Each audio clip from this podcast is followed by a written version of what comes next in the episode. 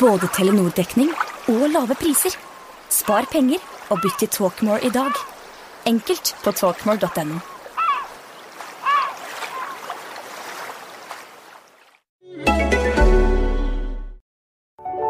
En podcast från Aftonbladet.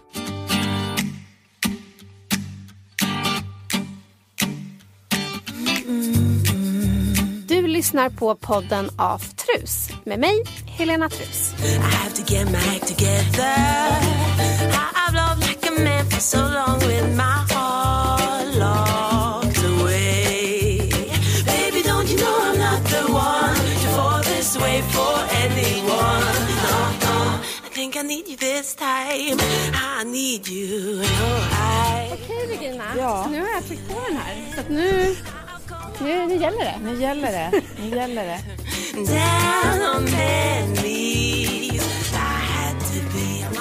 Ehm, vi står ju här på Scandic Malmen på Södermalm i Stockholm där du nu ställer ut din konst. Stämmer. Ja. Eh, Angels in Love Yes. heter den. Och jag tänkte att vi, vi ska helt enkelt gå runt och du, du har ju faktiskt redan berättat mycket om din konst när vi tog bilder här. Mm. Det var ju vernissage igår. Precis. Eh, men jag tänker att vi ska gå runt. Eller det kanske jag inte ska säga för då det här kanske inte sänds precis. imorgon. Men det, Förlåt. det, det har varit sudda. vernissage. Sudda bort. Ska vi backa? Ska vi börja om? Men jag skulle vilja att vi börjar med den tavla eh, som du känner allra mest för och om du vill berätta om den för oss. Nu kommer ju inte de som lyssnar se, Nej. så det får vara ganska liksom... Det är som att säga radiobaletten presenterar. Exakt. Det är så här, radiokonstvandringen presenterar. Det här är alltså konstrundan utan att se konsten. Precis, det blir lite abstrakt. Ja. Och det är ju lite, dina tavlor är ju, alltså de är ju Ja. abstrakta till en början. Sen, sen när man får bakgrunden och, och tittar en stund så blir det inte så abstrakt längre tycker jag. Mm. Ja, när, var- när jag ser. De är ju icke-figurativa fast Precis. ändå lite figurativa. Ja, Alltså och jag, mycket färg. ja, det stämmer. Ehm, och det var ju du, det är ju lite nytt för dig. Mm, jag gick över min färg. comfort zone. Vi kan gå över här till Angels in Love som jag döpt eh, utställningen efter. Mm. Det är den här. Och då, här gick jag över min comfort zone och började måla rosa och liksom ljusrosa och alla såna här rött och rosa och alla såna här färger som jag inte hade använt så mycket innan. Förut hade jag varit med så jag började min konst med att måla kolteckningar och det var min farfar Viggo Lund i Gävle som var eh, han var inköpare av konst för Museet Vänner i Gävle. Så han tog mig redan som tioåring till New York, till Guggenheim och till stora museer och visade mig liksom Henry Moore och Picasso och Matisse och alla sådana och berättade om det. Och då var jag ju mer, jag dansade och sjöng och var elitgymnast och ty- tyckte väl inte att det var sådär jätteintressant med konst men jag lyssnade snällt på farfar Viggo och eh, och sen senare så började jag måla kol. Så min första kolteckning var faktiskt en kolteckning av min farfar Viggo. Och sen har jag målat väldigt mycket så här lila och blått och svart och ganska mörkt. Men nu så är det rosa och rött som gäller och liksom glada färger. rött?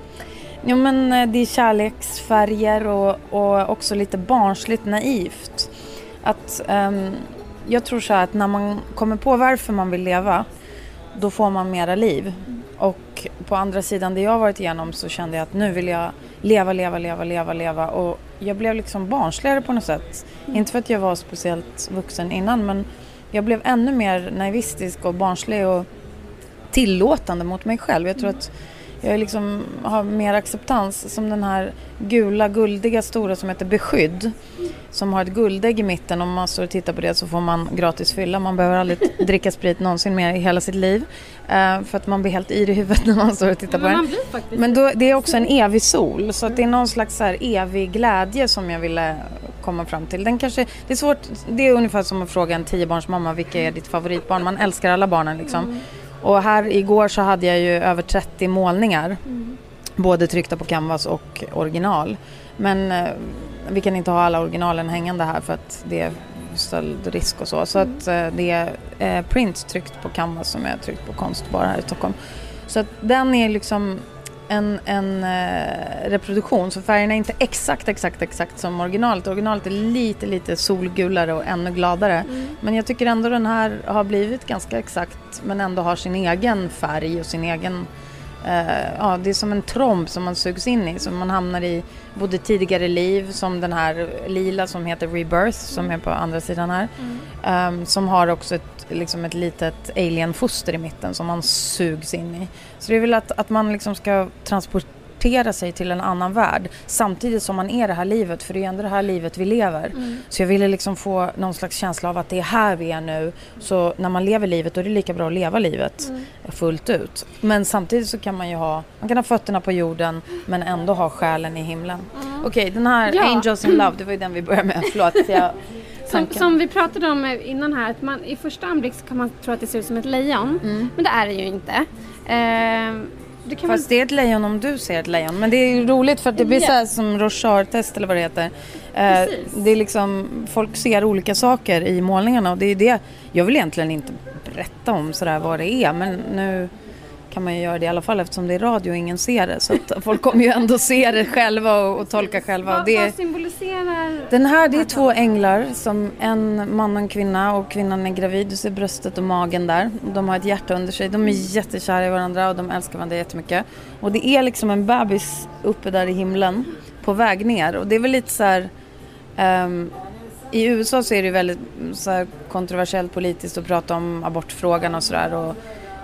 Och, jag menar ju att barnet inte träder in, själen träder inte in förrän väldigt sent i magen och i själen. Liksom. Så att det här är väl, jag ska inte säga att den är politisk, det är den ju inte, utan det är mer bara så här ett uttryck för kärlek och en önskan om den, den eh, trogna, vackra, passionerade, enkla, ljusa kärleken. Som kanske manifesterar sig det behöver inte vara ett barn, det där, den där ängen där ovanför dem och deras, ovanför deras glorior.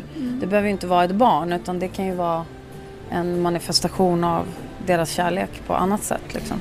Har du någon kärlek i ditt liv? Det är privat. Det, Är vill så? jag Är det- inte det prata om. prata om? Nej, men jag känner att det måste man få ha för sig själv tycker jag. Jag är så generös med min konst och jag är så generös med mig själv. Och jag är generös med min tid och jag har skänkt eh, sju målningar till Barncancerfonden och jag skänker min tid till både Greenpeace och massa olika. Och jag känner att jag ger så mycket av mig själv så jag vill inte ge bort det. Nej. Det vill jag hålla för mig själv. Tack. Jag förstår, men, men är, är du lycklig? Ja, det är jag. Jag mår bra. Och jag är så enormt tacksam varje sekund och varje dag för att jag är frisk. Alltså, när jag kom på varför jag ville leva då var det som att jag fick livet tillbaks. Och då är det, jag är så här, wow, åh, en ny människa, jag får prata med dig. Åh, ni vill prata med mig. Åh, ni vill uppleva min konst. Åh, jag får måla. Åh, jag får andas. Åh, jag får gå in i studion och sjunga en låt. Åh, jag får spela teater. Åh, jag får filma. Åh, åh vad kul. Titta, solen skiner. Jag får sticka fötterna i sanden. Jag får ha fötterna i vattnet. Alltså bara, den här heter skyddsängel. Mm. Jag måste bara säga det, när, Ja. när jag liksom har följt din karriär och dig Mm. Ja. eh, så har jag, jag har alltid sett dig som en väldigt levande person. Även innan eh, du drabbades av en väldigt liksom, aggressiv typ av bröstcancer som du har överlevt. Och det, det är intressant att du säger att du har blivit ja, ännu mer levande. Mm. Eh, när man ändå ser dig som en så extremt levande person innan du var med om det här. Men Mm. är den mer medveten, är du mer medveten om eh, liksom, livet? Eller hur skulle du beskriva att det har liksom förändrats? Ja, det är en bra beskrivning tycker jag. Ja. Mer medveten i varje sekund. Ehm, Jag har lärt mig enormt mycket. Jag har blivit mera, ännu mera, fått ännu mera healingkraft och blivit ännu mer medial och fått ännu mer liksom kraft. The force is strong within me. Jag har liksom fått ännu mer kraft, det kan man säga. Och ännu mer tacksamhet. Och ännu mer ödmjukhet tror jag. Ehm, sen behöver man inte drabbas av en dödlig sjukdom för att uppleva det. Eh, men det är klart att det hjälper. Så någonstans så är det ju en stor gåva att gå igenom det när man överlever. Därför att jag ska inte säga att det är en stor gåva för det var ett helvetes jävla pissskit år. Men eh, nu på andra sidan och nu när jag är frisk så konstigt nog skulle jag inte vilja vara utan det. Och det kan jag säga för att jag är helt frisk. När jag var sjuk så ville jag ju naturligtvis absolut inte tänka så. Utan jag tänkte bara, jag är frisk, jag är frisk, jag är frisk, jag ska bli frisk. Och så började jag tänka på allting jag ville göra när jag blev frisk. Och gå vid stranden, se solnedgången, soluppgången, andas frisk luft. Allt det som jag har gjort i Helsingborg nu den här tiden. Och jag har målat och jag har gjort låtar. Och jag har liksom varit i skapande, jag har spelat in en trailer för en lång film. Jag har varit med människor som... ja, Jag har varit nyfiken på människor jag har mött. Haft eh, nya spännande möten som jag... Oväntade möten. som jag aldrig trodde skulle ske i mitt liv. Och jag har fått uppleva och jag upplever känslor. Och nu blir jag liksom helt gråtfärdig. Jag upplever liksom känslor som jag aldrig har upplevt förut. Och det är jag enormt tacksam över. Jag trodde inte att jag skulle få uppleva det någonsin. Och jag får uppleva det och jag är så tacksam över de känslorna som jag får uppleva.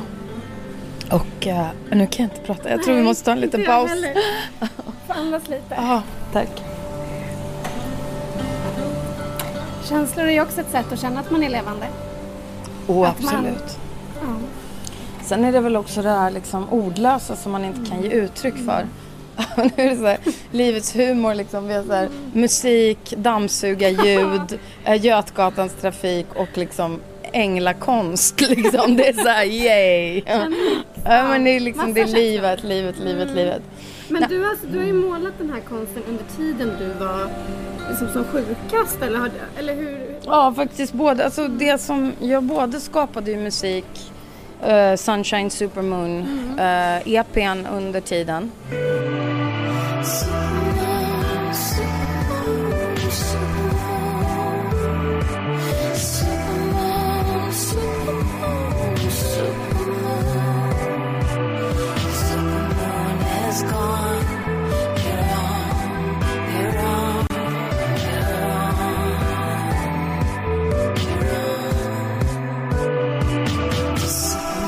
Gav också ut eh, en svensk EP, eh, Kom kom dansa. Och eh, sen Scandinavian Rain då, eh, den senaste singeln.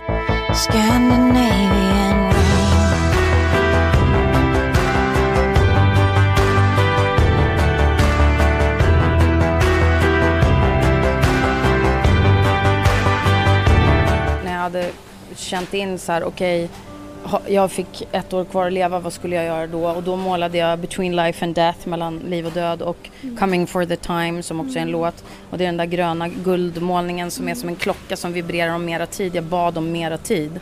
Och det funkade. Alltså eh, självklart svensk sjukvård, tack gode gud för den hjälp jag har fått där. Men det är ju kombination av också kärlek, vänner, konsten, skapandet, glädjen. När man kommer på varför vill jag leva? Och det här röda, gulliga, intensiva som jag har målat där. Det var liksom livet, döden. Vilket väljer jag? Om jag väljer livet alla dagar i veckan. Jag väljer livet. Och det gör jag varje dag. Varje dag jag vaknar. Jag väljer livet. Ska jag välja att vara eh, ska jag välja att falla till föga. Förut kunde jag, jag blev så otroligt skadad av missundsamhet, skitsnack. Eh, jag är fortfarande extremt känslig, det har inte ändrat sig. Jag menar, jag, är- jag är en känslig människa. Det måste jag också vara som skådespelare, artist, och sångerska, och medium och healer och allting. För det är ju liksom utgångspunkten och, och begåvningen om man säger. Men jag tror att jag jag, jag har mer distans till när folk är elaka eller missundsamma eller den där målningen beskydd till exempel. Jag, visst, jag har behov av det men det är samtidigt också en evig sol, evig glädje. Att man väljer det optimistiska, det positiva varje dag. Och som du säger, du har ju varit väldigt öppen med dig själv Mm. under din karriär och du har gjort så extremt, alltså bara man tittar på din bakgrund, liksom du är poet, konstnär, artist, skådespelerska, ja vi kan addera Mm. väldigt mycket. Ehm, och det provocerar ju folk. Och just att du är, du har den här spirituella Mm. sidan som också provocerar, speciellt svenskar. Ehm, så att, ja, känner du att du har, har liksom fortfarande fått ta skit för det? Absolut, men helt här- ärligt skiter jag i det nu liksom. Men samtidigt så känns det som att det har blivit bättre. Jag menar när jag började min karriär då var det ju otroligt fördomsfullt. Jag menar jag var väldigt ensam om att både vara så här musikalartist, eh, recording artist och låtskrivare och poet och seriös skådespelerska med Shakespeare och Rederiet och humor. Liksom. Jag gjorde ju komisk roll i radio som jag hittade på själv, Laila Klang. Och alla de här grejerna som, det var ju liksom innan tjejerna så här bloggade och Facebook. Det var innan ju allt. alla. Nu gör ju alla allt och det, jag är glad om jag har varit med och sparkat upp dörren för det. För det är ju helt grymt om det liksom fortsätter så. Så att det, känns, det känns fantastiskt. Men visst, det var en jädra hård kamp i 15 år att få liksom slåss mot norm, de som tyckte att man skulle hålla sig till normen och det normgivande. Och jag har försökt liksom hela tiden kämpa för att man är sin egen norm och man spelar huvudrollen i sitt eget liv. Och att man ska vara sig själv för alla andra upptagna liksom. Så att man ska inte hålla på och blicka över axeln utan köra sitt race med ödmjukhet. Varje steg en kyss och jag tror att vi måste liksom gå försiktigt och, och se oss själva och se alla. Men fred på jorden börjar med fred i ens eget hjärta så jag tror att liksom om varje människa är ödmjuk mot sig själv och snäll och förlåtande mot sig själv så blir de snällare mot andra också. Och det tror jag att jag, jag är snällare mot mig själv idag än vad jag har varit innan. Om man nu ska se någon skillnad before and after. Ja, och det Sen- blir väl en sån skillnad. Ja, och sen tycker jag, alltså jag tycker att jag är samma. Det tycker jag faktiskt. Med, with a twist. Med att jag har varit igenom det värsta. Hoppas jag. men Men just det det vet man ju aldrig alltså, med alla människor. Man kan inte, ja, men jag tänker hoppas och tro och hålla fast vid att nu blir det bara bra. Men just där att få en läkare som säger att, att du har ett år kvar att leva. Mm. Alltså hur, hur hanterar man det och hur fortsätter man leva efter man har hört ett sånt besked? Nu var ju det beskedet, eh, du har ett år kvar att leva om du inte opererar dig. För att jag skulle åkt då till Hawaii och käka frukt och kanske köra på ett annat sätt. Och jag tror att jag hade nog överlevt i vilket fall som helst. Nu var det min son som ville att jag skulle gå in i svensk sjukvård och då gjorde jag det. För att han skulle veta vad jag var och för att ja, när man får beskedet så är det ju lätt att säga ja men jag, jag gör det här alternativa. Men varför ville du gå åt det mer alternativa hållet då? Kändes det mer... Därför att jag tror det är framtiden. Jag tror att, att framtiden måste integrera alternativ, eller det vill säga natur, liksom de naturliga vägarna med skolmedicinen. Men skolmedicinen lär sig ju av naturmedicinen också så att, och naturmedicinen av eh, skolmedicinen. Så jag, jag, jag kommer från en familj med väldigt mycket forskare och läkare och så. Och jag, jag är klart, jag konsulterade dem också innan jag gick in i det här. Och man är ju rädd när, det, när de liksom sprutar in massa grejer i kroppen på en. Och jag ber och önskar och hoppas att forskningen i framtiden kan komma fram till en lösning som inte är så smärtsam. Att man liksom får ha kvar livet under tiden så att inte livet tas ifrån en liksom också. Kändes det så under cellgift? För du behandlades med, var det sex cellgifts... Sex cellgiftsbehandlingar, fyra olika cellgifter. Och sen strålning på det och operation innan. Ja. Vad gjorde det med dig, skulle du säga? Det rensade bort all skit. så nu är det bara det braiga kvar. Men jag tänker som vi snackade om innan här. ja, nej. Hur det påverkar kroppen rent fysiskt med hår och Ja, ja, ja. alltså sådana Jag, saker. jag gick upp 25 kilo och tappade allt hår. Jag hade smärtor bortom smärta. Idag är alltså, det, var, det var så smärtsamt att jag, jag har inte ord för hur smärtsamt det var. Alltså jag försökte måla det och jag försökte måla mig ur det. Och vilket jag lyckades med. Och jag sjöng ur det på Sunshine Supermoon-plattan också. Och ehm, skrev mig ur det. Men jag har fortfarande, tycker jag, inte hittat ord och jag vill inte jag kanske har hittat några ord men jag känner inte att jag vill leta efter det eller stanna i det eller älta för nu vill jag bara, nu vill jag bara vidare och vidare. Egentligen vill jag inte alls prata om det här i den här podcasten för jag kände så här, jag är förbi det nu. Nu är jag frisk. Nu är jag, åh, jag är fullt frisk. Och jag har hittat en jättebra naturläkare som heter Ulf Kilman också som ger mig eh, jättebra eh, naturpreparat som gör att jag blir pigg som en Mört. Ja. och, eh, och det är helt fantastiskt. Sen, jag är jätte, enormt tacksam över svensk sjukvård och så. Men, och eh, jag tror i kombination. Jag tror att alla som kan ska försöka kombinera och ta all hjälp ni kan få. Jag kunde inte, om du frågar mig om vad jag var som är nytt i mitt liv. Det var förut kunde jag inte be om hjälp. Det fick jag lära mig big time. Jag kunde inte be om hjälp och nu kan jag det. Nu kan jag säga hjälp, hjälp, hjälp. Jag kan inte själv. Tänkte Jag- du att du skulle besegra cancern på egen hand? Ja, Ja, det kan man ju... Och så tänkte jag så här att om jag ska överleva så kommer jag överleva i vilket fall som helst. Men det var ju, in- sen är man inte så kaxig. Så jag, jag, hela världen faller ihop och, och det, det... Men hela världen faller också ihop när man... När... När, när, när man är liksom... När, när människor är elaka eller någonting hemskt händer i livet som man inte kan styra över eller kontrollera. Det är klart att... Eh, jag kan säga så här, jag är oerhört lycklig att det var jag som fick det och inte min son. För det hade jag aldrig klarat. Att han var frisk, det hjälpte mig att överleva. Att min son fanns, han är 15 år idag och är, är världens finaste människa. Du har gjort en tavla till honom också. Ja, det har ju jag. precis vid den. Ja, det kan vi göra. Den är... Kika lite. Det, är en, det här är ju en, liksom alla kärlekens färger på något vis. Det är Ja. olika nyanser av rött och lite gult och så står det jag älskar dig. Det är guld och Mm. rött och orange och rosa och evighetsspiraler och hjärtan och jag Mm. älskar dig. Så den är liksom så här, den är bara så här översvämning av kärlek. Mm. Och jag gick verkligen över min comfort zone. Och det är en kärleksförklaring till livet men Mm. eh, det var ju framförallt en kärleksförklaring till, till min son då som eh, när en period då jag inte fick träffa honom för att eh, ja, alla klarar ju inte av eh, alla i min närhet klarade inte av att jag, att jag blev sjuk så att de klarade inte av att träffa mig helt enkelt. Och då varje gång jag längtade efter min son så gjorde jag, målade jag på den här. Sen gav jag den till honom och då sa han Seriöst mamma du fick ingen kärlek när du var barn men jag, jag får för mycket kärlek. Alltså du kan sälja den och ge mig pengarna istället. så han är väldigt frisk Ja. och väldigt eh, stark Ja. och väldigt klok. Och eh, har varit en sån hjälte i det här. Men det undrar jag också, oavsett om man blir insjuknad i en Mm. cancer eller vad som händer just när man är mamma och går igenom någonting som är så tufft. Mm. Hur, hur hanterar man det i liksom, ja, men som mamma? Men jag är ju liksom, jag är ju mamma. Så att, men det är ju det är ju det som är nummer, alltså det är det man, det är ju absolut, i alla fall i mitt fall och det tror jag alla, det är det första man tänker på. Sitt barn. Och det var ju den första jag tänkte på också, Viggo. Så han var ju min första tanke och min, hur ska jag, jag det blev jävligt bråttom.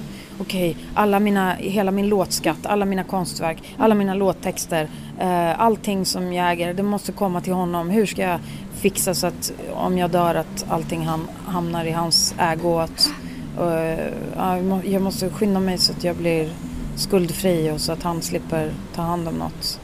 Så det var ju den stressen fanns ju där hela tiden liksom. Och det tror jag alla får, liksom att man vill lämna efter sig något bra på jordklotet till sitt barn.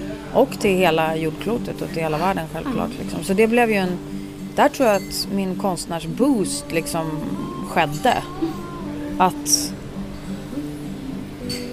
Jag har väl alltid varit kreativ. Det är så jävla svårt. Man kan inte skylla sin kreativitet på, på det liksom. Men, men den finns ju där ofrånkomligen. Men den gav ju ytterligare en dimension. Det, får man ju, det kan man ju lugnt säga. Men jag tror att det, det går inte att beskriva. Alla som har varit igenom det här, de vet.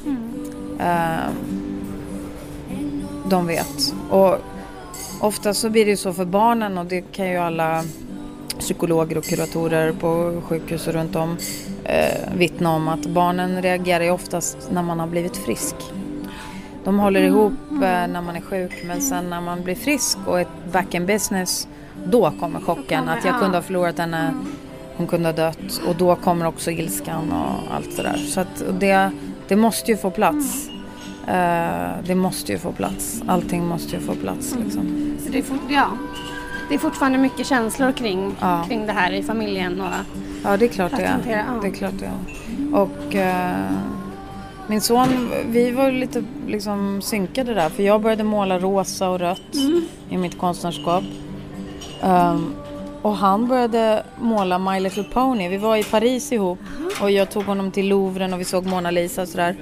Och, och på vägen tillbaka så målade han My Little Pony och då visade det sig att han, han är med i något som heter Bronies, Brothers Who Like My Little Pony, så här rosa. De har ett spelkort och lite gulligt och så. Så sa han, då kan jag väl komma till spelhålan där ni, där ni sitter och spelar då på Kungsholmen och kolla in lite vad ni håller på med. Då sa han, mamma, kommer du till spelhålan är du en död människa. och det tyckte jag var fantastiskt. För att, att han kan säga det innebär att han är stark och liksom Och det här var kan... mitt uppe i det, allt. Det här, nej, det här Nej. var nu Ja, liksom. var och då ja. känner jag så här, ja men då, det betyder att jag är frisk Ja, jävlar. han för att då kan- han kan känner han, han kan till och med skämta om Ja. det liksom. Så att det känns, eller ja, Mm. reagera starkt mot mig och veta att jag står kvar. Ja. För så stark, jag kan säga helt ärligt. Jag känner mig starkare och friskare nu än vad jag någonsin har gjort. Och det är inte en sån här tidningskliché eller en sån här grej man bara säger. Utan jag menar faktiskt allvar. Att den här perioden har rensat bort liksom år av när man har varit igenom svåra, jag har ju varit igenom andra svårigheter liksom och när man har blivit så här drabbad av mycket missunnsamhet och hat och förtal och sånt. Då är det ju väldigt befriande när man kan liksom rycka de knivarna ur ryggen. Ja. Och det tror jag att jag har gjort helt och fullt nu. Och att mitt pansar inte behöver vara sådär tjockt att, jag, att det hindrar mig från att leva livet. Förut när jag skulle skydda mig mot sånt, just för att jag var en pionjär in, för liksom inom kvinnligt konstnärskap och fick ta mycket skit, både yrkesmässigt och privat, så har ju det drabbat mig naturligtvis. Och det manifesterar sig ju på olika sätt. Jag ska inte säga att det är därför jag fick cancer men det är säkert en bidragande orsak. Mycket sorg och attacker från olika håll. Och sen är ju random shitness falling from the sky. Alltså det är ju random av all... Det kan ju vara kemisk krigsföring i, i eh, Mellanöstern som har liksom regnat hit. Och, eller Tjernobyl när jag bodde i Gävle. Så här, alltså det, kan- det kan vara vad som helst. Men samtidigt som, så kan man ju... Varje människa tror jag individuellt kan ta reda på vad betyder det här för mig. Och som du ser när du tittar på Siv och Bengt, mina två Precis, skulpturer där, så ser du färgglada- ja, de, är explo, de har exploderat i alla färger som du bara kan tänka dig. Ja. Och, och i kärlek och passion och guld och rött och vinrött och grönt och Men är det här, är Sivan och Bengan några som finns eller är det bara två, de här, det är ju skylt, skyltdockor ska vi säga. Ja, det är skyltdockor som jag har målat på. Eh, Som är en tjej och en kille. Ja, är, och är de, det de du är tillsammans. Ja. Ehm, d- de finns i verkligheten. Mm. Men de heter inte Siv och Bengt. Är de här då? Det tänker jag inte tala om. Det är Är konstnärens det du hemlighet. Mhm. Kan det vara du och... Hmm, okej. Så att, eh, ja, det Ja. får man, eh, it's in the eye of the beholder. Men jag vet, för mig är det väldigt personligt och handlar om väldigt starka känslor i mig. Mm. Och ehm, det är så skönt att få uttrycka det. det Jag Mm. gjorde den i, i, det jag gjorde dem i passion och nu ser jag att det är massa handavtryck på olika ställen. Så att det, den har en Den har viss... fått beröring. det kan man skriva upp i en liten bok. Är Eh, det- Mycket beröring. Det är, är- väldigt passionerad är det liksom... eh, Eh, skapelse. för Bengan står ju lite, han står ju lite lutad, liksom svankar lite mot Sivan. är, är de, ja. Ja, är de, det- de är ihop. De, De är säljs ihop. ihop, De har om jag en- nu ska sälja dem. Jag tror Ja. inte att jag vill det. Nej. Ehm, men de, de, är, de ska höra ihop helt enkelt. Mm. De får icke separeras. Nej, de är... de, är, de är ett par helt enkelt. Jag tänkte vi skulle gå över till en tavla Dr Jekyll and Mr Hyde Yes. här borta. Eh, som... Eh, ja, du får beskriva vad det är- vi ser.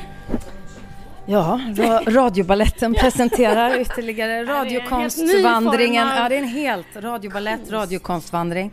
Vi ser här två, eh, ett ansikte som är delad i två, en Mm. mörk sida och en ljus sida. Och också denna har exploderat i två, eh, i, i, eh, båda två sidorna har exploderat i massa, massa färg. Mm. Ehm, och den svarta färgskalan då har jag Först var den helt symmetrisk halva halva men sen så tvingade jag den att bli lite mer ljus för att liksom den, den ljusa sidan, glada sidan skulle vinna. Och Det är berätta, egentligen- vem är det här? Ja, alltså, från början så är det faktiskt min pappa Christian Lund, regissören som dog alldeles för tidigt 2007 och han ehm, var ju alkoholiserad men han var framförallt geni och han var medial och han var väldigt en väldigt annorlunda person. Han hade väldigt mycket humor och kärlek och passion i sig och var väldigt expressionistisk. Så när han drack så blev han andra hållet. Han blev väldigt eh, svart och mörk och elak och alltså svart i form av eh, mörk i själen. Och så när jag målade den här så blev det som ett, att allt är tillåtet. Och den byggdes på, byggdes på, byggdes på. Och då kände jag så här, den, den växte ut efter, eh, ja, ut efter jag gjorde den. Så helt plötsligt så handlar den också om tillåtande, att alla känslor får plats. Sen börjar den handla om att alla raser och konstformer får plats, så att alla känslor får plats. Och innan jag drabbades av cancern och sen tillfrisknade, som jag nu har gjort, så var jag väldigt så här, ingen alkohol, inga droger, inget kött, jag var vegetarian. Jag var så här, så måste man leva, det är vägen till att rädda planeten. Det kan jag väl kanske fortfarande tycka, men jag har blivit mer tillåtande. Det är okej, jag tar ett glas vin, jag är inte lika hård mot mig själv. Och då Inte lika heller... mycket regler som du Nej, inte mycket regler, exakt. Och så det här blev liksom en, en sån här alla får plats, allt är okej målning. Men har du någon liksom Dr Jekyll eller Mr Hyde i dig? En liksom mörk och en ljus sida? Eh, Det tror jag alla har. Ja, det tror jag också. Det tror jag alla har. Sen vill man ju tro att man är helt transparent och, och liksom eh, god. Liksom, det vill man ju gärna gå omkring och, Men Mm. det är klart att, att jag har sidor som Vad skulle du inte säga är goda. din mörk, mörka sida då? Ehm, det vet jag faktiskt inte. Att jag drabbas av uh, svårmod kanske. Att jag är lätt... Jag blir lätt rädd. Jag, det tror man inte om mig, men jag är Nej. väldigt blyg och väldigt rädd och väldigt... ehm, jag kan bli väldigt... Ja, när jag blir skrämd. Jag har ett, kanske ett flyktbeteende som gör att jag ehm, springer iväg från saker som jag verkligen vill stå kvar i. Så att En jag, relation till exempel? ja, till exempel, Mm. kan det vara. Eller det kan också vara, ja, jag blir rädd. Och så eh, att jag kanske har tyckt att, men inte ska väl jag, eh, när jag tycker att jag har liksom dåligt självförtroende och eh, litet människovärde. Mm. Och att jag kan bli väldigt, eh, att jag är ganska lättskrämd sådär. Kan, om, om du skulle kon- konkretisera det, någon, något tillfälle när just den sidan har slagit till i ditt liv? Men nu när jag babblar så känner jag att det där stämmer ju inte. Då sitter du och ljuger här sitter, nu. sitter jag och ljuger. Det är min mörka ja, sida. Det, Nej, nu Nej men alltså det, det är också så här, jag, ah, jag vill inte gå in på för privata grejer men, men jag, jag kan inte komma på något konkret fall Mm. faktiskt. Men eh, att man kanske har sagt något hårt ord Mm. till någon någon gång fast att man inte ville det. Men- Och att jag kanske har inte vågat eh, hoppa på saker som jag vågar, eh, liksom, jag, jag ska ta ett, jag tar ett uh, yrkesmässigt Mm. exempel. Mm. Det här är ju jättelångt tillbaka men Stellan Skarsgård skickade mig till USA Mm. 96 efter vi hade gjort vår eh, min långfilmsdebut Harrison, jag gjorde en liten roll där. Och då skickade han mig till massa olika agenter i USA och England och då satt jag där och liksom jag var så, jag ville det så gärna men jag var så himla rädd för vad det skulle innebära. Jag var rädd för min egen framgång. Mm. Så jag liksom, då, jag ljög inte men jag, jo på ett sätt ljög jag. Jag liksom sa nej men jag vill hem och döpa mig i blåbärssoppa och göra performanceföreställningar. Och jag tycker de kör för mycket bil här och jag vill inte vara här liksom. Så jag, jag liksom satt och dissade dem fast att jag ville, jag ville det jättegärna ändå. Jag ville jättegärna göra så här, ha filmroller och ha, ha skoj i USA. Jag trivdes jätte... Jag gick i skolan i USA, jag gick sista året på high school och har mycket släkt där. Så att jag trivdes ju där. Men jag ville det så mycket att jag vågade inte säga att jag ville det så Så mycket. att du, du liksom eh, såg till att Och och förstöra? Exakt, jag förstörde för mig själv. En självdestruktiv sida. Så att jag liksom så här... Jag ville att de inte skulle tycka att jag passade där. Jag ville att de skulle tro att jag inte vill, tyckte om dem eller Ja, men inte ville vara skydds, där. eh, s- skyddsmekanism. Ja. Att ifall att du nu skulle misslyckas så, så har du något konkret att skylla på att nej jag vill, nej jag vill inte. Exakt. Kan- Exakt, exakt, exakt. Så var det nog. Jag kanske är rädd för det, jag vet inte. Men sen är jag ju modig på andra områden, men jag upplever mig själv... Jag vet inte om det är en mörk sida. Alltså jag tror att vi behöver mörkret för att vara... Jag kanske har varit... En mörk sida är att jag har varit kanske... Eh, maniskt liksom rädd för, för det mörka. För att pappa var så... det var så mycket smärta och våld och socialrealism liksom. Så att jag ville, min revolt var stay in the light, stanna i ljuset liksom. Vara poetisk, eh, göra liksom vacker, vackra låtar och vackra texter och vara, försöka vara vacker och liksom. Men fanns det då en rädsla att liksom, blir jag mörk så kanske, kanske jag blir som pappa när han är mörk? Var det den konkreta rädslan att, som du kände tror du? Ja, jag var rädd. Alltså, nu är ju mörk ett så dumt ord eftersom Ja. det är en väldigt vacker färg. Och eh, i dessa tider så... ehm, men men eh, det är ju bara semantik, det är bara ord. Mm. Men den destruktiva sidan i, i min pappa skulle jag vilja säga. ehm, det är ju liksom... Den var jag, ville jag göra revolt mot. Jag ville glädje. För jag fastnade mycket i det där liksom. Och sen eh, tror jag mycket att min, mina föräldrars konflikt och för, livsförvirring eller liksom livstrauma har... Jag har liksom levt deras resa också väldigt mycket. Eh, och nu börjar jag väl så här sent om sidor bryta mig loss från den och att de liksom kan inte nå mig längre på något sätt. Jag skrev en låt på Year Zero-plattan som heter Untouchable och det tror jag var en sån här önskan om att ondskan inte ska kunna nå en eller sorgen eller övergivenhet. Det är klart när man har blivit lämnad av sina föräldrar som två och ett halvt åring, det är klart att det sitter i liksom. Eh, och sen massa fram och tillbaka dramatik. Men en, en av mina mörka sidor är väl att jag har liksom stannat i den sorgen. Och hela tiden upprepat den sorgen fram tills nu. Och nu har jag liksom gjort någon slags bokslut med mig själv att nej men nu får det vara nog på jobbigheter. Så att jag tror säkert att jag har attraherat några av mina liksom sorger och bedrövelser i mitt liv själv för att man går till det man känner igen. Jag, jag kände igen eh, alkoholism och drogberoende, jag kände igen våld och, och manipulation och elakheter. Så då kanske jag var i det liksom och tyckte att jag var ju inte värd bättre. På vilket sätt var du i det då? Att du själv eh, liksom, testade droger eller att du drogs till personer som... Men- Okej, då Ja, ska då vi... kanske vi ska... Ja. Ja. Mer, mer att, jag, att jag drog, att det var jag själv som...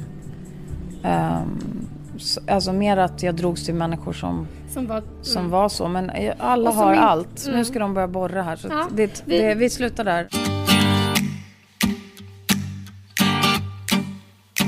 Ja, nu har vi gått upp till ett hotellrum här på Scandic Malmen. Det här är lite lugnare och tystare. Och vi, precis när vi eh, eh satt och pratade om dina föräldrar så, så kom ju en eh, kille och sa att han skulle börja borra där. Så det var därför vi gick. Och jag tror att vi blev lite avbrutna där i slutet när du pratade just om det här att, att du blev lämnad när du var två och ett halvt år av dina föräldrar och hur det hade påverkat dig. Jag tror att, det, att de skulle borra där betyder att jag inte ska prata om det mer. Alltså, det var det Att jag är som liksom klar tecken. med det på något sätt. För att jag känner så här att eh, min pappa är död men min mamma lever fortfarande och jag älskar henne väldigt mycket. Och jag känner så här ibland sliter man upp sår offentligt som inte behöver slitas upp utan get on with it, livet. Vi har fred här i Sverige. Vi är friska nu. Ehm, och jag känner att min resa med cancern är förbi. Och också min resa med att mina föräldrar lämnade mig och all, allt våld och, och hemskheter som jag har varit med om som barn. Det är också förbi. Och så en litet ambulansljud på det. Ja, precis. Vad betyder det? Ja, det betyder att, är vi, att hjälp är på väg. Precis. Nej, Men- men, och, och jag vill jättegärna bjussa dig och, och lyssnarna på eh, mina historier så, för de är många och så. Men samtidigt så känner jag så här att det här är en timme och vi är här för att liksom leva livet. Och jag skulle vilja bjuda in människor till framtiden och till livet och till det som är här och nu. Och ett av tricksen som man lär sig, förutom att jag har lärt mig att be om hjälp som jag inte kunde förut. Det är nog att våga inte älta, våga inte vara kvar i saker och ting. Och att jag är någon även om det inte är jätte, jätte synd om mig eller någon har liksom stampat och hoppat på mig och jag måste upp. Utan jag är någon, jag får vara någon också när jag är glad. Och jag tror att jag har också när jag är lycklig. Och jag tror att jag liksom... Jag har varit igenom så himla, himla mycket svarta och svår, svårmod. Att nu tycker jag att nu vill jag sätta punkt för det. Mm. Och nu börjar liksom fas två. Second life, andra delen av livet. Och då vill jag vara glad. Ja. ja, men och hur, hur är det, för det var vi inne på lite innan vi började spela in, hur, hur den, liksom, för det blir också så en mediabild och precis nu såklart har det ju varit mycket om, om din sjukdom som har såklart upptagit så mycket av, av ditt App, liv. app, app, app, app, den är inte min längre. Nej, Det är inte min Nej, sjukdom. det är en- Jag har den inte nej, längre. det är sant. Det har den rätt i. var, och den finns inte den, längre vad, ska i man, vad mig. ska man säga? Den, Eh, Den, min sjukdomsperiod, som jag Sjukdomsperiod har som nu har- har bakom mig. Ha- Hur har det påverkat, för det var det vi var inne på då, hur det påverkade karriären och hur folk, att du inte vill att folk ska, ja du får berätta själv det du sa tidigare. Ja. Nej, men det är ju väldigt intressant hur människor är rädda. Egentligen är ju cancer och alla sjukdomar det är egentligen bara en transformation i kroppen. Och så antingen klarar man det eller så går man över till nästa sida. Eftersom jag är troende på det sättet att jag tror på andra sidan och nästa liv och så. Och flera liv. Och att det är bara en transformation som sagt. Så har jag liksom en stillhet och någon slags odramatisk inställning till det. Men nu ska vi ju leva det här livet och då måste man ju leva och äta och tjäna pengar och sådär. Och det är klart att det som jag märkte då när jag insjuknade var de som blev jätterädda och sprang därifrån. Jag förlorade både filmjobb och teaterjobb på att människor var, de var ganska ärliga med att de var rädda för sjukdomen och rädda för konsekvenserna. Och nu smittar ju inte cancer, vilket en del verkar fortfarande leva illusionen av. Men äh, Det är jättekonstigt. jättekonstigt. Ja, men det gör den inte kan jag informera alla som inte vet detta. Eh, och då märkte jag att det fanns en rädsla och nu också när jag blev rådd. Först teg jag ju väldigt länge om, om det för att jag ville vara själv med, med det. Men sen kände jag att jag ville inte att min son skulle behöva gå runt och ljuga. Så att jag outade min cancer. Eh, förlåt, min, den som jag har Det är haft. så lätt. Ja. Eh, jag äger den inte, den är icke längre min, den är borta. I skyggen av korona herjer akkurat nå verdens største meslingutbrudd i Den demokratiske republikken Kongo. Vi i Leger uten grenser er klare til å vaksinere tusenvis av barn mot dette dødelige viruset, men vi trenger din hjelp. Du kan bidra til å redde liv og beskytte barn mot meslinger ved å vippse til 2177. 50 vaksiner koster 180 kroner, men du velger selv hvor mye du ønsker å gi. Uansett, tusen takk for støtten. Vips till 2177. Mm, och då, när jag gjorde det så fick jag rådet att nej men visa dig inte så här skallig och tjock och, och eh, i smärta för att då kommer du aldrig mer få jobb sen när du blir frisk. Vem, vem rådde det? Eh, Det var några i, på sjukhuset. Okej. Mm. Eh, Men sen fanns det andra på sjukhuset som rådde mig att göra det jag kände och gå efter hjärtat. De som rådde mig att inte göra det var ju de som själva hade erfarenhet av att de förlorade jobb på det eh, när de berättade. Så att mörka då och, och gå omkring med peruk och så här, det var en, ett alternativ. Och det gjorde jag i början. Men sen kände jag att nej, det är inte jag. Jag är transparent, jag är ärlig. Jag är modig, fast rädd. Och man är ju ännu mer modig när man är rädd på något sätt. Så jag klev över min comfort zone igen. Och eh, bestämde mig för att okej, jag gör vad jag kan för att samla in pengar till cancerforskningen. Och, och, och visade mig då på Cancergalan Just det. förra året. Det är nästan Skallig exakt ett år sedan. Ja, det är ett år sedan. Och då trodde inte jag att jag, och det många av mina nära trodde inte heller att jag skulle överleva för jag hade så mycket smärtor och var så sjuk. Så att, att jag gjorde det är ju bara det är en vinst. Men jag är ändå glad att jag gjorde det samtidigt som det är klart personligen för mig så är det jobbigt att det cirkulerar en massa bilder på mig som skallig och tjock och sjuk. Och det gör ju också att man får inte samma, man är inte tillbaka i samma livsloop. Även om jag har ännu mer liv nu än vad jag någonsin har haft. Och är fullt frisk och har bröst och ögonfransar och hår. Och Jättelångt hår. ja, ska det vara så ska det vara. Liksom. Mm, precis. Nej, men, Härligt. så, så de, de där ytliga grejerna som man skiter fullkomligt i när man är sjuk. De blir lite viktiga. Det blir viktigt Visst. med en vacker målning eller en vacker solnedgång eller en vacker klänning. Och det var det inte innan. Jag tyckte det var liksom... Nu handlar det bara om att överleva. Punkt. Men nu handlar det om också att leva. Inte bara överleva. Nej. Nej, och om man bara ska prata utseende. Alltså, vi lever ju i en utseendefixerad värld med ideal som man kan tycka är sjuka, vissa av dem. Och i din bransch, och speciellt när man tänker skådespelarbranschen, är ju extremt utseendefixerad. Sant. Eh, och, hur, hur liksom, och det har ju inte bara med liksom all, vad du har varit med om, men hur, hur ser du på det? Vill du vara i den världen? Eller lockar den fortfarande? Eller, mm, ja, hur, hur tänker du? Jag tycker om skönhet. Ehm, av alla slag. Det jag tycker om, det tycker jag om. Det jag tycker är vackert, det tycker jag är vackert. Och det behöver ju inte vara någonting som just andra tycker är vackert. Utan det är ju en väldigt individuell upplevelse.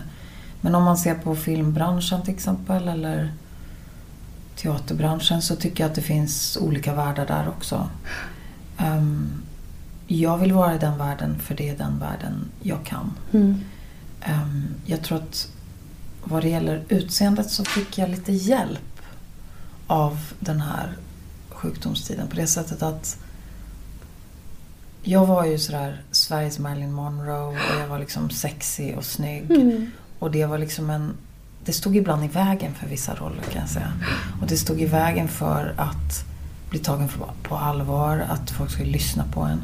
Jag tycker det är helt fantastiskt att bli äldre. Folk hör vad man säger. Eh, Man får mer liksom plats för hela ens person. Ehm, jag ser bara fördelar med det. Och plus att sjukdomstiden gjorde liksom att jag hoppade över det här ehm, vad det är att bli äldre i den här branschen. För att jag blev det direkt. Jag var, liksom spolade fram till dödsögonblicket. Och sen paus och så rewind, spola tillbaks igen. Så att jag har liksom varit 95 år och eh, sagt adjö till allt. Och sen fick jag bonusen av att komma tillbaks. Men din fråga var väl... Eh, Ja, men precis, vi pratade om... industrin där. Ja, och att... att ehm, Vill man in i det igen? Och svaret är ja. Alltså jag, eh, redan som ung, jag menar när jag höll på med musikal och dans och teater och allt sånt där som jag gjorde och som jag fortfarande gör. Så var det ju så här, vill man in i det här? Vill man inte in i det här? Vill man, vad vill jag? Eh, och ibland, jag gör slut med teatern ungefär vartannat år. liksom, tänker, det här ska, Precis, sen blir ni tillsammans igen. Ja, sen blir vi ihop igen. Så det är en sån där eh, av och på relation. jag förstår det. Men musiken är konstant, eh, låtskriveriet är konstant, sången är konstant, filmen är konstant. Det intresset finns Mm. alltid. Och sen teatern är ju jag född in i. Alltså jag är ammad på Svenska Teatern i Vasa av min mamma. Och Mm. det är ju så här, och pappa var regissör och teaterchef där. Och då är det ju liksom, Det går inte att... det är, jag brukar säga att jag är ofrånkomlig Ja, skådis. Jag kan inte göra något åt det. Det liksom. är i din kropp. Men jag tänkte på det du sa det här, precis den här, eh, jag menar om man tittar bara så, om man googlar dig till exempel. Ja, vad hemskt. Det gör jag aldrig. Nej, Vad men kommer det upp var, då? nej, men det var, nej men det kom upp väldigt många olika saker. Men en grej jag tänkte på när vi var inne på också det här du sa att, att precis du fick ju du, liksom ofta spela den här liksom excentriska, väldigt sensuella kvinnan. Eh, och, eh, och det var ganska roligt för att när jag googlade bara på ditt namn Ja. Eh, Så absolut, det kommer ju upp mycket om cancer och sådär, men så kommer det också upp allt som skrevs om kärlekens språk. Och det är ju 2003. Ja. Men du vet, det kommer liksom ända upp så här Ja, i topp. ja. Där det var så här, jag kommer ihåg rubriker, det var så här, Regina har lesbiskt sex. Eller det är så här, kyss, lesbiska kyssar tror jag det var. Och att det var autentiska sexscener i, i filmen. Jag vet inte om det blev sen, jag tror att det pratades det inför. Och Det var verkligen så här, jag menar att man, man gärna ville ha sådana rubriker kring dig. Ja, det stämmer. Va, va, varför tror du att det var så? Minns du det här? Ja, jag liksom? minns det. Jag minns Ja. det. Absolut. Det är sån Eh, himla Men det var en... ehm, Och det var ju inte negativt. nej, det var bara, var bara nej, men, jag eh. Ja, ja, absolut. Alltså, jag kan... Här och nu, för alla lyssnare. Dementera, vi hade inte sex på riktigt i filmen. Det vet jag andra som har haft i andra filmer, men det hade inte vi. I alla fall inte jag och min motspelare hade det inte. Varken, jag spelade en bisexuell kvinna som hade ihop det med både en tjej och sin pojkvän. Ehm, vi hade inga autentiska scener utan det var väldigt iscensatt och väldigt um, osexigt på alla sätt och vis. Men väldigt så här tekniskt. Eh, men också ganska crazy liksom för att det skulle finnas någon form av realism i det. Men jag har alltid, jag är liksom uppvuxen med att kroppen är en del av ens instrument så jag har aldrig tagit den så himla personlig. Även om jag ju naturligtvis som alla tjejer har drabbats av liksom, duger jag, är jag bra nog, ser jag tillräckligt bra ut, är jag tillräckligt allting. Ehm, och killar också gör ju det. Ehm, jag var rätt fri i då, den perioden. Jag brydde mig inte om vad folk tyckte liksom, och, och tänkte utan jag, jag gjorde den. Jag gick in i rollen med fullt ös. Och sen var det ju rubriker som jag tror... Och då, jag vet att producenten och regissören han, sa, han frågade mig så här, får vi gå ut med att vi har sex på riktigt, att ni har sex på riktigt för att få mer tittare? Och jag bara, ja varsågod om ni behöver Alltså, det det. var liksom. PR Jag tror att det var en PR-kupp, kupp. eller det var en PR-kupp från dem, vi gjorde aldrig det. Nej. Och sen den det drabbade hårdast var ju kanske mig då eftersom jag var det största namnet och den som kanske höll på mest seriöst med skådespeleri. Mm. Och då blev det någon så här, jag kommer ihåg Micke Nyqvist, eh, en polare som Ja. ju var här på vernissagen igår också. Um, sa, alltså ska du börja med porrfilm Regina? Och det var så här, nej, nej det ska jag inte. Och jag dömer ingen och det är inget fel i det. Utan det är en annan konstform. Men det här var ju en informationsfilm om sex. Ja, och det, det. blev väldigt mycket rubriker. Men vi hade väldigt kul. Ja. Och jag tror att vi hjälpte väldigt många som har svårt att komma ut. Mm. Jag är inte lesbisk, jag är inte bisexuell, jag är heterosexuell. Mm. Och jag kan spela både lesbisk och bisexuell och massmördare utan att för den skull tillämpa Ja, det. detta. Ehm, och det är väl så det är. Och, ehm, men den filmen gjorde ju att väldigt många som är homosexuella kunde outa. Och kunde istället för kanske som inte vågade säga till sina föräldrar kunde spela upp den filmen. Att så här kan det se ut och så här kan det vara och sådär. Så att det, jag kommer ihåg min farmor som är död nu, Brita Lund. Hon sa alltid ja ja, hon är skånsk. Ja ja, de, de kommer förstå den där i framtiden. Så, när Det var jag lite för. Ups, liksom min, jag vet min, min, eh, min for- forskande kloka farbror Mm. Johan Lund som bor i USA nu och, och eh, jobbar för läkemedelsföretag faktiskt. Han, Ja. han, han satt på tunnelbanan och det var då när Aftonbladet tror jag hade börjat med, med de här morgontidningarna en period. Och slår upp Ja, och ser liksom mm. sin brorsdotter naken på liksom ett mittuppslag och han blev helt såhär oh, oh, oh. Eh, Så att det är klart att det var ju Det var ju mycket kring det. Men för mig, jag tog det väldigt odrama, alltså, odramatiskt då. Jag levde ett fantastiskt liv i frihet. Jag har ju tatuerat frihet på min arm för att jag ska kunna komma ihåg att klockan är frihet. Just det, det är på din vänstra. Ja, och det är där klockan ska sitta. Och det är för att påminna mig själv om att liksom, jag är fri, jag får, jag är vuxen, jag får äta hur mycket godis jag vill. Nej, men, jag får göra vad jag vill, jag är fri. Um, jag, vi lever inte i krig eller under diktatur och jag får göra vad jag vill. Och det var väl också när jag spelade in Kärlekens språk så tror jag att farmor faktiskt hade rätt att de kommer förstå i framtiden. Och den har hjälpt många vet jag för att inte bara det att eh, 16-åriga åringar känner igen mig i duschen när jag är på turné och står med ryggen mot. Bara, mamma, mamma, Regina Lund står i duschen. Så här, hur fan kunde hon veta det? Jag står med rumpan mot. Jaha, hon har sett Kärlekens språk. Så att om man vill se min rumpa så ska man se Kärlekens språk. Men om man, mm, jag kan inte liksom, jag kan inte säga att jag minns hela filmen sådär. Men jag vet att den skapade rubriker och jag, in, jag googlar inte mig själv. Nej. Men, men eh, ja, vad ska jag svara på det? Jag tror att, att det gjorde ju att man blev förknippad med sex. Och det gör ingenting. Jag tycker om sex, så det är helt okej. Mm. Jag, vill bara inte, jag vill helst inte bli förknippad med så här våld, eh, krig och eh, andra negativa saker. Mm. Utan jag förknippas gärna med sex, det har jag ingenting emot. Och så en liten tuta Ja, det. är mycket tutande. Det är någon som sitter där ute på. Ja, bra. Så Nej, men- och det, det- har jag ingenting emot alls. Nej. Och faktiskt en av anledningarna till att Eh, det, det första jag gjorde när jag blev frisk och fick tillbaka håret var att eh, ta Ha tillbaka sex. min... Jag skojar. I wish. dreads. Jag satte i mina dreads. För att jag skulle ehm, ja, komma tillbaka till den då jag kände mig väldigt sexig och fri och glad. Liksom. Så att jag hjälpte mig själv på traven lite. Ibland som med skådespeleri, jag tror att det är Sir Anthony Hopkins som har sagt det. Att ibland kan man sätta på sig en mustasch och börja därifrån. Ja, Utifrån visst, och in. visst. Och det tror jag också är en bra grej. Liksom. Och det, det har jag ju tillämpat förut som när jag gjorde Garbo till exempel på Ja. Stadsteatern. Då var ju jag väldigt lik Garbo fast att jag personligen privat inte alls är det. Då använde jag mig av min medialitet och kanaliserade ner henne i min kropp. Plus att jag hade yttre attribut. Så man gick utifrån och in istället för någon inre resa. Ibland hjälper ju Ja, det. gud, och det är ju en konst i sig och det är därför, jag menar, man är skådespelare eller så är man inte det för att man har den förmågan att kunna liksom... Men det är vad skönt att du kan använda det i det privata också. Ja, Att liksom just- liksom höja glädjenivån. Jag försöker Ja. hitta på allt jag kan för att, för att ha kul i Ja. livet. Allt jag tycker om. Så att, eh, och det är att lära om nytt också. Jag Mm. får ju lära mig en gång till vad det är jag tycker är viktigt i livet. Mm. Ehm, och en av de grejerna är ju att inte blicka bakåt. Utan det är härifrån och nu och framtiden. Jag, när, jag var med, när jag var tio år var jag med i Tältprojektet och Mm. där sjöng de Framtiden är idag, Mm. idag, bam, bam, Och det kommer jag ihåg, jag var bara tio år men jag tyckte det var så Det var, det var sån cool mening. Framtiden är idag. Mm. Och den, den försöker jag leva efter.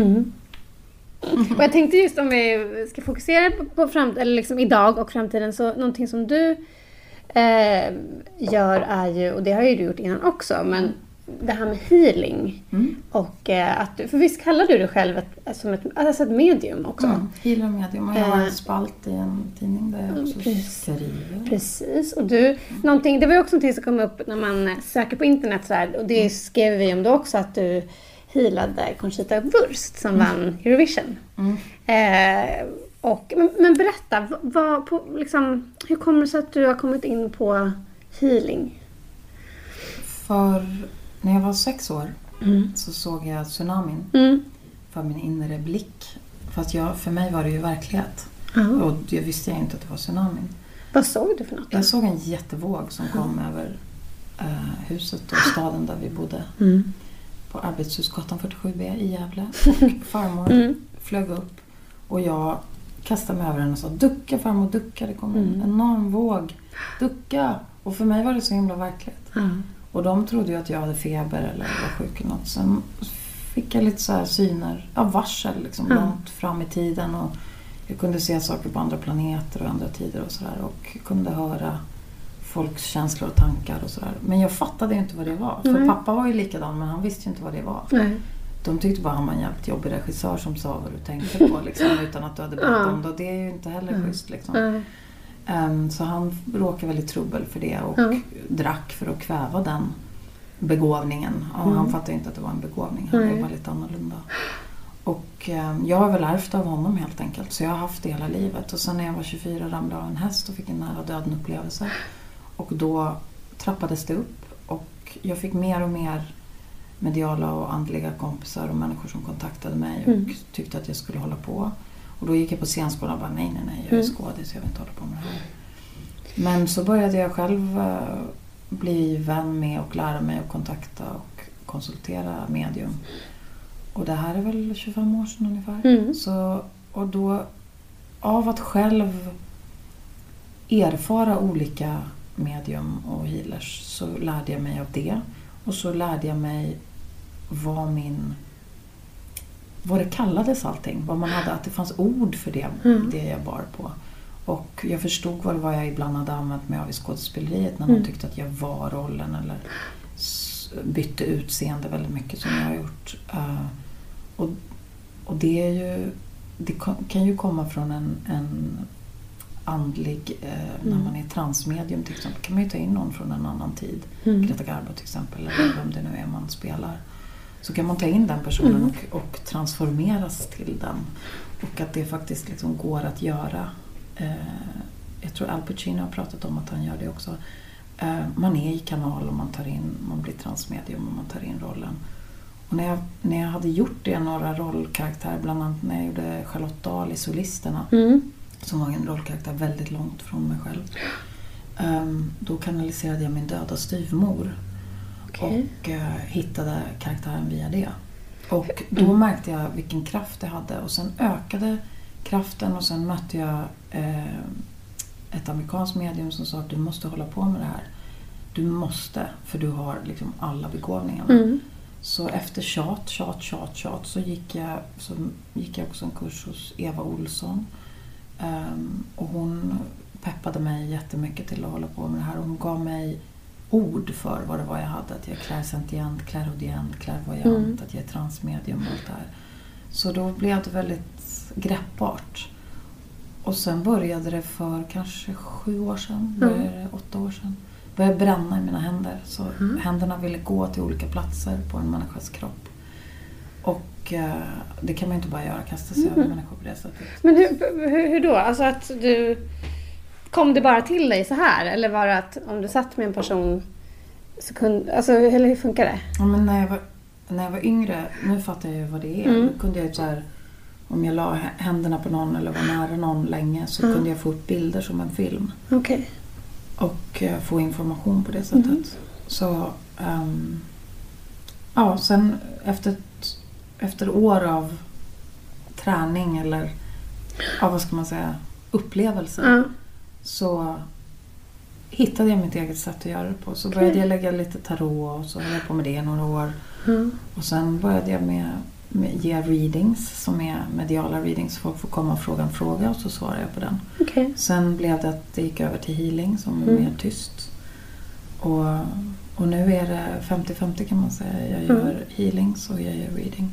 Och det beror på vad klienten, nu går jag bara på intuition. Vad, vad den som söker upp mig, vad den behöver. Okej.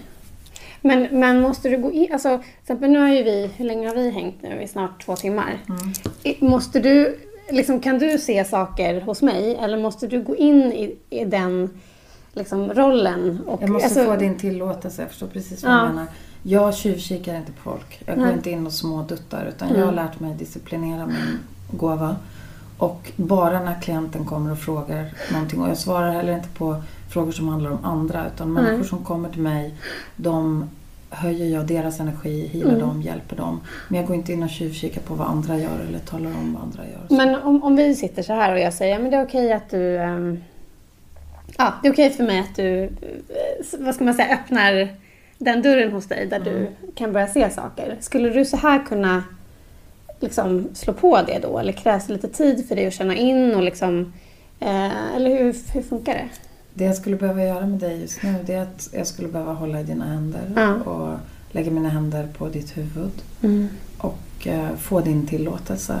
Ehm, just nu har jag gått in i den här intervjun med tanke på konsten där nere. Så jag har stängt för, Ja. för allt det andra. och ju längre jag håller på och ju mer, eftersom gåvorna ökade sen jag varit igenom det jag var igenom förra året, Mm. så har jag också lärt mig att ta hedra gåvan Mm. genom att inte smådutta och så här, nu ska jag bevisa ungefär som Ja, cirkushunden. Så här, kan du, Ja. precis, nej. Du, Du- kommer då- inte vilja ta vill mina händer nu. bara- Eller nu Ja, tog vi i händer. Nej men jag, jag tycker att vi ska omge oss med människor som förstår oss och som, där man inte hela tiden konstant behöver bli Mm. ifrågasatt. För det Mm. tar väldigt mycket energi. Och det tar väldigt mycket kraft att bli ifrågasatt. Mm. Och när man ska hålla på med det här så måste man göra det bland människor som respekterar den. Och Ja. den, det enda sättet att göra det är att respektera sig själv. Mm. Så jag respekterar min gåva jag småduttar inte men jag ger dig gärna lite healing. Eh, Men det är precis som radiokonst eller radiobalett. Eh, jag skickar på dig eh, ljus och jag tänder alla dina celler. Jag skickar på dig som en tromb som letar runt i din kropp vad som behövs göras. Och det låter jätteflummigt för radiopubliken. Vi sitter och håller varandras händer här nu. Ja. Ehm, så det här kan jag göra även om du inte tror på det så kommer det ju ske grejer. Vet du vad jag känner? Eller jag känner att, mitt, eh, att min puls går upp. Och jag blir varm. Och det, ja, det händer någonting i kroppen. spännande. Ja. Oftast så när jag gör, ger healing så kommer det som ska komma upp, det kommer upp. ja. Så det kanske förstärks och sen försvinner det. Du vet vad sjukt är? Jag blir glad för det. Jag ser det. Det var läskigt. Och, och, eh, nej, det är inte så läskigt. Det är bara låt det komma bara sådär. Det är fint. Du har vackra tårar. Tack. Så att, eh, låt det regna lite. Det är bra. Det är bara frusen sorg och eh, frusen ilska som behöver tinas upp lite och så kommer det ut. Eh, det var fint eftersom jag bjussade på mina tårar där nere så bjussar du på dina nu. Precis. Och det som händer nu med dig det är att ehm, det, det kommer upp, det som ska komma upp och du kan bli lite yr i huvudet idag. För, Ja. Förut tog det så här 40 minuter innan folk hamnar i det här stadiet som Ja. är i nu. Eh, men eftersom jag har fått ökad kraft så går det på bara några sekunder. Och ehm, det rensar ut och det som ska komma upp, det kommer upp. Och idag så kommer du kanske vara lite yr i huvudet så jag råder dig att eh, dricka vatten och kanske inte köra bil och så ser dig för ordentligt när du går över gatan för att Ja. du kommer få så nya upplevelser. Så att jag ökar också din, din andliga förmåga och, och skickar på dig det här obeskrivliga ljuset och kärleken som vi inte riktigt kan sätta ord på. Och den är, den är icke-fysisk och fysisk samtidigt och det känner du ju. Ehm, känner du, du känner att det känns som att alla celler i din kropp Ja, alltså jag är kokhet. Mm. Ja. Och tårarna börjar rinna. Och det är en process i din kropp som sker. Och jag ska inte gå in mer. Jag släpper dina Ja, vi släpper händerna, okej? ja. Är det okej? Vill du ta en Ja. paus? Nej, men jag tror Ja. att det är lugnt. Mm. Men vad, usch, eller, nej, usch ska jag inte säga. Det är jättehäftigt, men jag blir bara förvånad. Ehm, det, det är det som är så svårt att förstå du. Mm. Eh, jag kunde bara beskriva det jag gör genom att hålla dig i händerna och Mm. göra det jag gör och skicka på dig det här som det som jag kan. Ja. Jag kan inte riktigt verbalisera det, inte än. Ehm, och vi kanske inte behöver göra det heller därför att det är ungefär som, jag, jag har beskrivit det för, tidigare i eh, TV4 tror jag när jag fick frågan. Mm.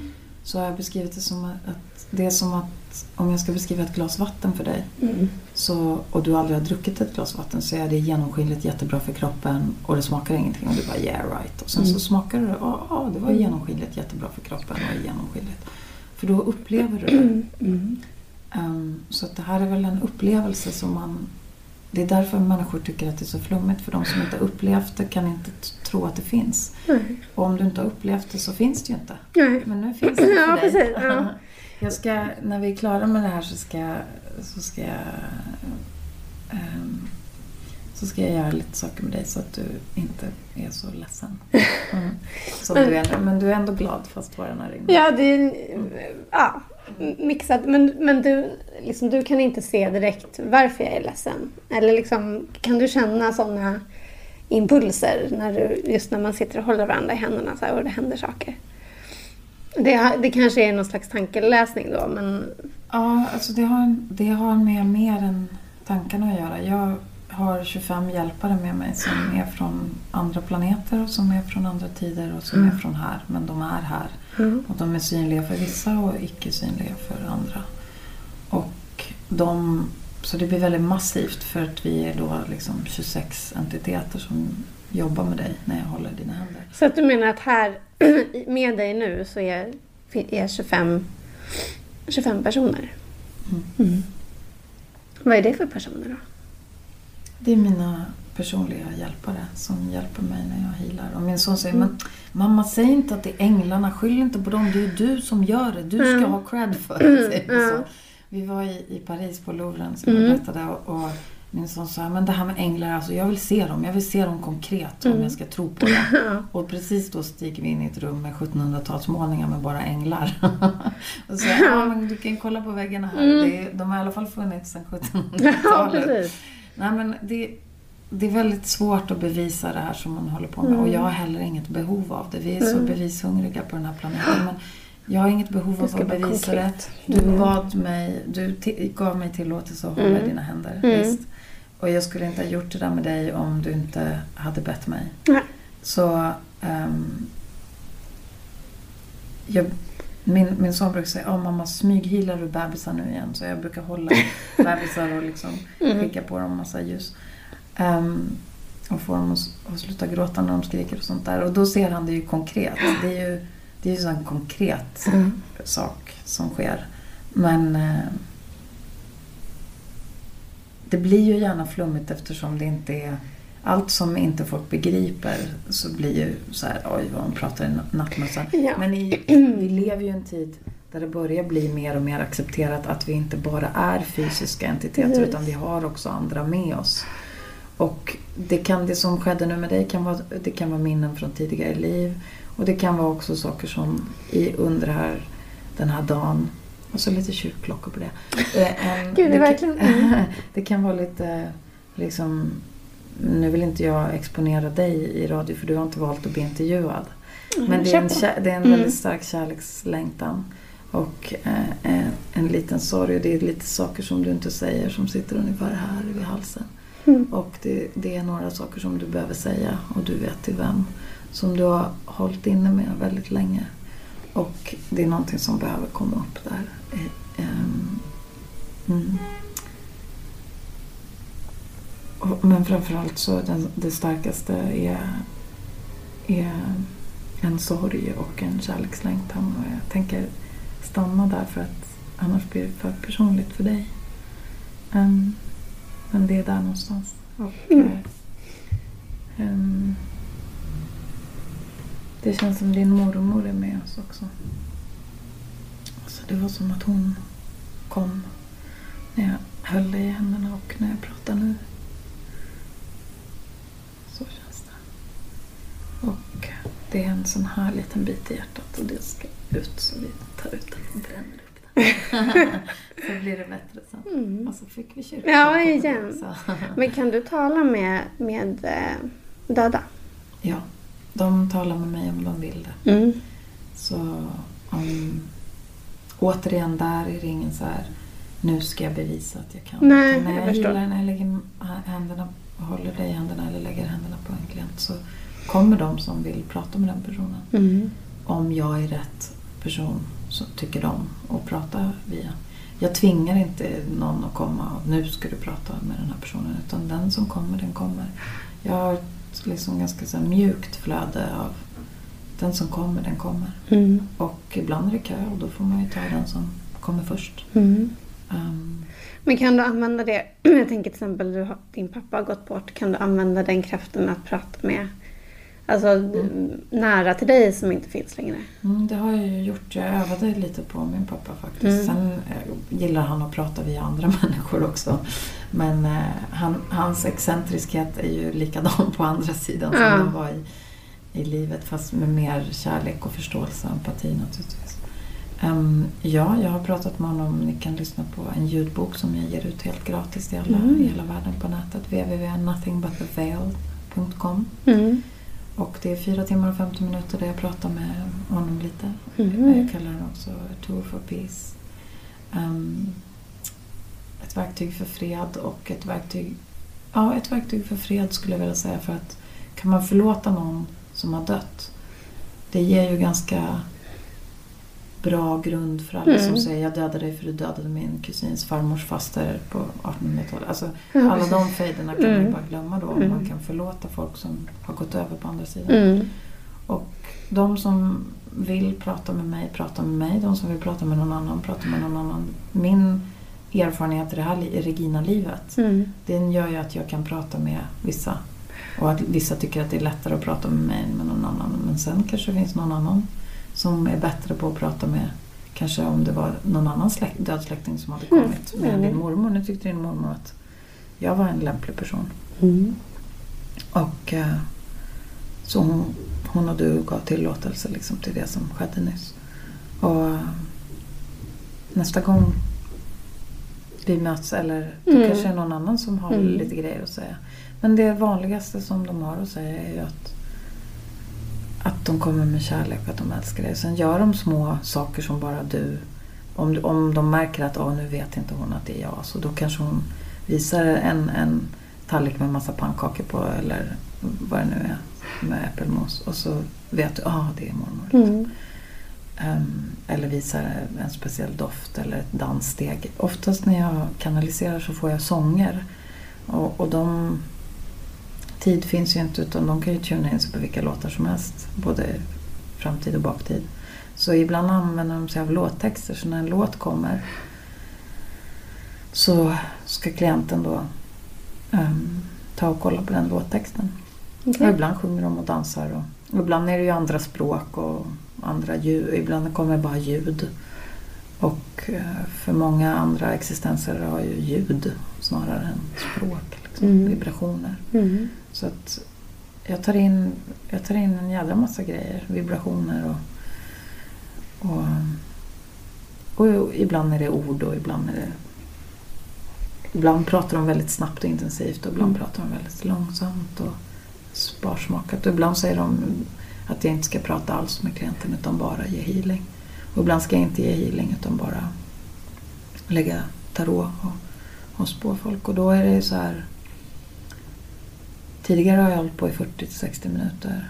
Men det, nu har jag fått besked då från den stjärnan som ger mig information att jag bara får hålla på i 20 minuter annars blir min klient för yr i huvudet. Jaha, okej. Så, Det blir för, Ja. för mycket. ja. Jag känner mig fortfarande... Lite yr i huvudet, Precis. det. Jag sitter Ska vi mycket pausa? tyst här. Nej men det, Nej, men det gör ingenting. Ja. Det nej, men det, det är också för att jag, jag är ju... Jag ser ju inte mig själv som en... Alltså speciellt spirituell. Som liksom tror på övernaturligt, är väldigt liksom icke-religiös. Alltså, ja, jag är nog en väldigt så här konkret person. Men det där kan ju också vara en föreställning man har av sig själv för att man inte har öppnat den dörren. Eh, man tror att man är på ett visst sätt fast ja, man bara inte har sett det andra. Så jag tycker bara det är jätteintressant att prata Din om. mormor sjunger såhär Oh when the saints go marching in Oh when the saints go marching in Oh Lord I want to be in number Den sjunger hon. Så du får ta och gå hem och titta, googla den texten. Ja, precis. Jag var... Mm. Ja, nej, f- o- om, eh, omskakad känner jag mig. Verkligen. Men Det är du... bra att skaka om saker. Ja, det är ju det. Det Man var, ska vara för, det var för att du inte fick stå och titta på mina målningar så länge där nere när de började borra. så fick Precis. du, lite, du fick lite tidigare liv och lite, Mm. Lite cirkulation. Ja, gud, jag är fortfarande helt varm. Eh, men vad, liksom, nu, nu har ju du din konst. Eh, jag har ju fått lyssna på massa låtar eh, som du har skrivit. De, ja, det är väl de senaste, det senaste året Mm. egentligen. Vad, vad händer nu? Vad, vad, vad vill du göra? Vad kommer du göra? Om man tänker liksom både filmvärlden och ja, alla dina olika bitar som du jobbar med. Just nu så ska jag ehm, börja repetera en komedi, Mhm. en fars, som heter Casanova sökes. Mm. Ehm, så det ska jag börja med i eh, Linköping. Så att Det var därför du ville... Jag skämtade med fotografen att hon skulle lära Du mig skulle... lite Ja, okej. Linköpingsmål. Carolina som fotade här förut. Mm. Mm. Så det, ska jag, det ser jag fram emot. Det ska bli kul med, med komedi, Mm. fars. Och det var något jag började med när jag var så här 12-13 år. Så Mm. började jag med Ray Cooney-farser och sådär. Så det är någonting jag känner att jag kan göra sådär på en handvändning. Ja. Att det är skoj och enkelt Mm. och lätt. Mm. Sen vill jag, jag vill fortsätta göra låtar och jag hoppas kunna göra en hel platta. Men jag gör liksom låtar hela tiden. Jag har jobbat med en algerisk-fransk rappare. Har gjort låtar med honom och uppträtt live också Mm. i Helsingborg bland annat. Ehm, och sen så har jag gjort en trailer till en film som också är i Helsingborg för att jag tycker om att vara där. Så de, vi väntar på finansiering för det. Okej. Så jag vill väldigt gärna filma. Den är på engelska och heter Listen och det är jag och Alexander Karim i huvudrollerna. Mm. Men det är också något som ligger, ja, det händer när det händer liksom. Men det jag helst vill göra är musik, film och teater och Mm. konst. Mm. Ehm, och det här att vara healer och medium, det är jag ju ofrånkomligen hela tiden. Och de, jag behöver ju inte ha något med mig, bara jag har mina händer Mm. och min hälsa Uppenbarligen. jag.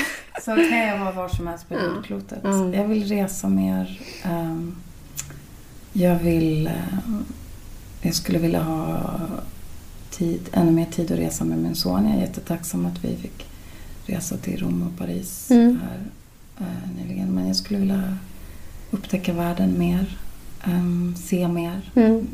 uppleva ännu mer. Och jag älskar att ge readings och healings till Ja. Så det skulle jag kunna göra Mm. bara. Men det är väl en... Det är väl min eviga fråga som jag alltid får. Vilket tycker du om bäst? Och jag vill be så hemskt mycket om att få göra allt Ja, jag, jag tänker för. faktiskt inte ens ställa den frågan. Nu börjar de borra här också. Ja, vad det är, gud, det är tydligen så att vi mycket, ska sluta. det är- apropå ljud. Nej, men, Ja, just det. Det är en vibration vi behöver få. Den är lite mer... Vi behöver, vi behöver Ja, vi jorda borde- oss. ja. Vi pratar för mycket andlighet. Nu kommer Ja, borrningen som betyder intressant. att vi ska borra oss Jag ner tycker- i jordens kärna. Jag tycker det är så intressant när jag, liksom, när jag förbereder en intervju så tänker man ju, man, blir det åt ja, men titta mitt papper så här, ja men jag har någon slags dramaturgi här och jag ska gå igenom saker. Och så ofta så blir det... den Ja men vet du vad, jag tyckte det var skönt för att jag är som liksom, kontrollmänniska och tycker liksom, ja men nu ska jag följa det här, då blir det ett bra slut och hit och dit. Och sen så bara blev det någonting helt, helt annat. Vad är ditt braiga slut då? Nej, nej det? alltså det, du vet, 17. Nej men jag tänkte på det här med att liksom se, för det är en sak för dig att, att inte berätta för andra vad du ser om, om en framtid. Men har du förutspått saker om dig själv? Alltså till exempel att, att du skulle insjukna eller att det skulle hända, eller har du liksom sett Nej, jag går, inte in och, jag går inte in och kollar mig själv. Men Nej. jag kan ju önska saker. Och det är när man, det, jag kände att det var när jag tappade mi, mina önskningar. Det var då Mm. jag gick fel. Det var när jag tappade min, min vision och min livslust Mm. och min, min, ö, mina önskningar. Det är då det... ehm, ibland kan ju livet, livets utmaningar vara för mycket och då tappar man den här, den här ehm, det här extra längtiga. Och jag, har, jag har varit dålig på att vara snäll mot mig själv. Och jag har Mm. låtit andras ondska komma in i mig. Eh, Det har jag gjort i, genom mitt liv alldeles för mycket. Och nu börjar jag kunna låta bli att göra det och Mm. ge mig själv massa kärlek på riktigt. Och ehm, det, det är min, min resa liksom i det här Regina-livet. Men sen finns det ju Sen kan jag väl tuna in mig på, jag tycker att det är jättespännande. Jag gör inte sånt men jag har många kollegor som håller på med tidigare liv och så. Mm. Det tycker jag är jättespännande. Och shaman, jag har en god schamanvän som hon är jätteduktig på att se tidigare liv och så. Det tycker jag är spännande för det ger perspektiv till det här livet. Så det är klart att jag... Jag, jag tror framförallt att vi, vi ska ta hjälp av varandra. Det är, det, det är mitt viktigaste budskap. Och eftersom min konstutställning heter Angels in Love så tror jag att vi ska liksom också ta emot den kärleken som kommer från de som har lämnat oss. Om man till exempel har en död bror eller som i mitt fall en död pappa eller man har någon som har gått bort alldeles för tidigt som man Mm. vill hålla kontakten med. Man ska ta emot kärleken som de ger för de vill en bara väl och de vill hi- hitta ens väg åt en och de vill hjälpa till. Så att jag försöker tillgängliggöra mig för deras godhet. Och jag tror att om varje människa öppnade sig och såg hur mycket godhet det finns omkring dem. Det, det är då tårarna kommer också tror jag. I ditt fall när du får så mycket godhet som strömmar genom dig. Så kommer du ihåg hur fint det kan kännas. Och då blir man också påmind om hur hemskt det är att man inte är där hela tiden. Där det kan kännas så kärleksfullt Mm. och stort. Och det har ingenting med, med det sexuella eller eh, monetära eller egocentriska eller att någon ska bevisa någonting. Utan det har bara med ren kärlek. Alltså den kosmiska stora kärleken att göra. Nu känner jag att jag börjar gråta igen. Så nu, Regina, tusen tack.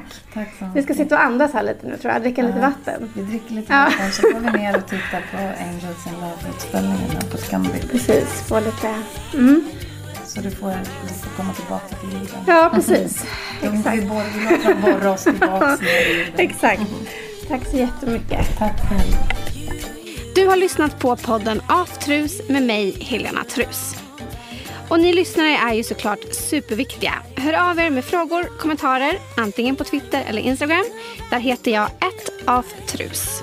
Ni får också gärna mejla mig på helena.trus.aftonbladet.se. Den som klipper podcastavsnitten är Andreas Hansson. Men vill ni skylla något på någon så är ansvarig utgivare Jan Helin.